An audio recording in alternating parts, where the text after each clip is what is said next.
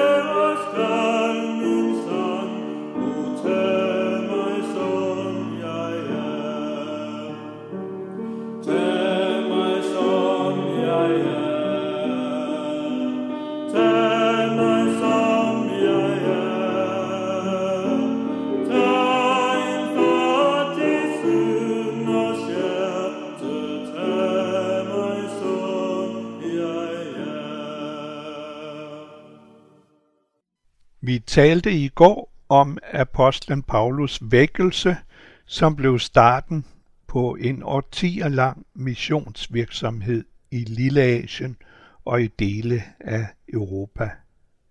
Det sted, hvor Paulus tilbragte mest tid under sine mangeårige missionsrejser, det var havnebyen Efesos, der lå ved vestkysten af det, der i dag er Tyrkiet, altså ved Ægæerhavet. I dag finder man byens ruiner cirka 10 km fra kysten i nærheden af bosættelsen Seljuk. Efesos var en af de største byer i Romerriget med et anslået indbyggertal på 250.000. Det var hovedstad i den romerske provins Asien og sæde for provinsens romerske stattholder. Byen var kendt som et vigtigt handelsmæssigt og åndeligt centrum. Den var velstående, da dens havn lå på en vigtig handelsrute mellem Asien og Rom, og den rummede flere store bygningsværker.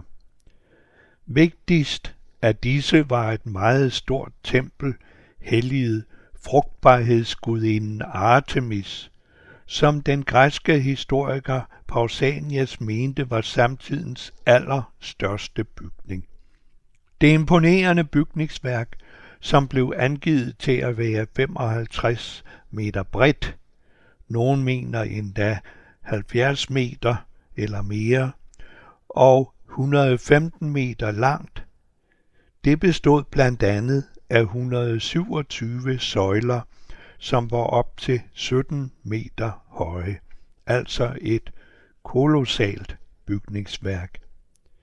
Det fik en af tidens herskere til at beskrive det som et af verdens syv vidundere.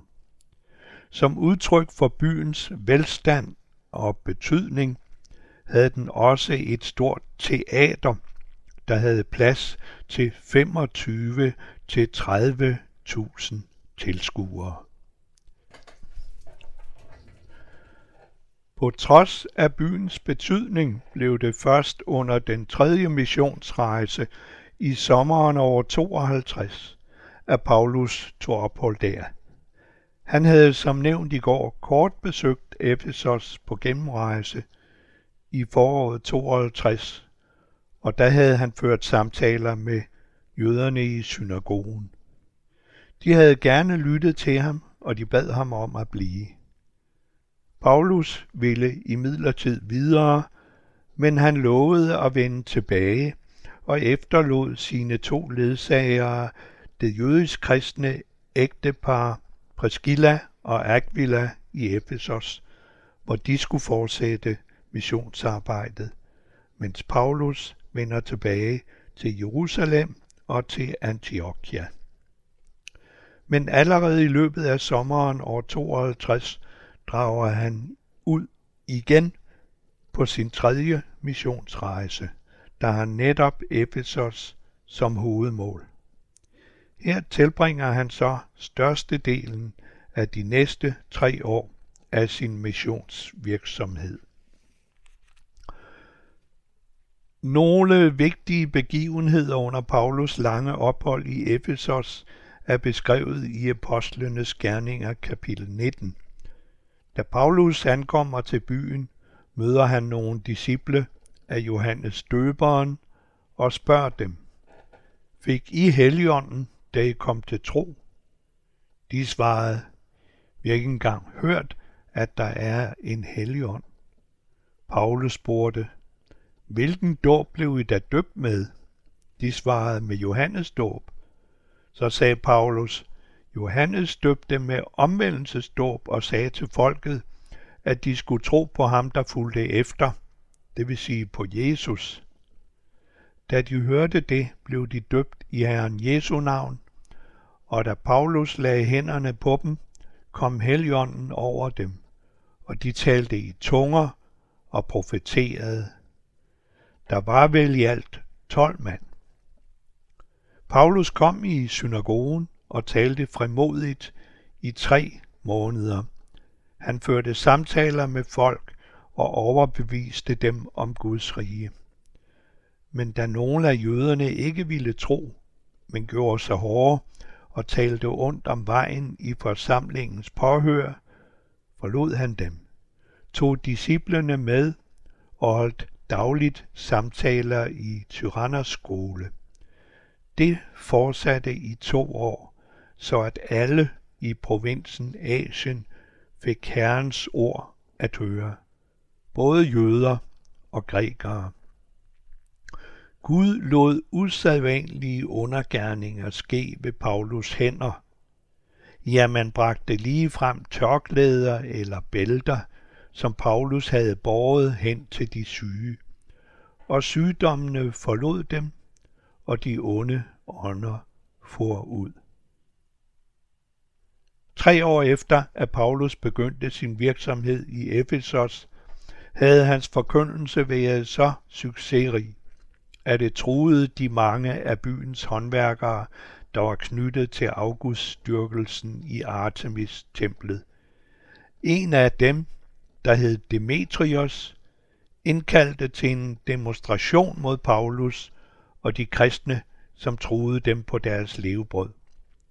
Han talte til demonstranterne og sagde, Nu kan I både se og høre, at denne Paulus ikke blot i Efesos, men næsten i hele provinsen Asien har overtalt og vildledt mange mennesker, når han siger, at ting, der fremstilles med hænder, ikke er guder. Der er ikke alene far for, at vores fag får dårligt ry, men også for, at den store gudinde Artemis tempel skal miste sin anseelse. Der er far for, at hun, som hele provinsen, ja hele verden ærer, bliver berøvet sin storhed. Efter flere timers uro i byen fik byskriveren beroliget folkemængden. Dels troede han med, at byen risikerede anklager fra Rom om oprør på grund af urolighederne. Dels henviste han de klagende håndværkere til at komme med en formel klage til myndighederne. Så opløstes folkemængden. Anklagerne mod Paulus og uroen i byen tvang Paulus til at bryde op. Da uroen havde lagt sig, sendte han bud efter disciplene og gav dem nogle anvisninger. Så sagde han farvel til dem og brød op for at rejse til Makedonien. Som vi kan forstå af hans kritikers anklager, nemlig at hans forkyndelse havde sat sig spor i hele provinsen, så havde hans virksomhed i Efesos været enormt frugtbar. Han havde sat et magtfuldt aftryk på åndslivet i hele denne romerske provins. På trods af, at han havde succes med sin missionsvirksomhed, måtte Paulus kæmpe en stadig kamp imod forfølgere og vranglæger. Han efterlod derfor sin ledsager Timotius, da han rejste fra Efesos. Det læser vi om i Paulus første brev til Timotius kapitel 1. Da jeg rejste til Makedonien, bad jeg dig blive i Efesos, for at du skulle påbyde visse folk, at de ikke må føre vranglæger eller holde sig til myter og endeløse stamtavler, hvad der snarere fremmer spekulationer, end det tjener Guds frelsesplan, hvor det drejer sig om tro.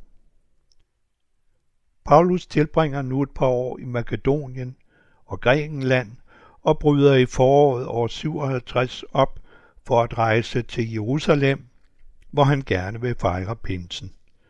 På rejsen mod Palæstina gøres der ophold i havnebyen Milet, hvor han beder de ældste fra menigheden i Efesos om at komme til sig. Han holder da en afskedstale for dem, inden han fortsætter rejsen til Jerusalem. Det skal vi tale videre om i morgen. Må Gud velsigne din dag. Vi skal nu høre, Kom, som du er, til din frelser med primus. thank you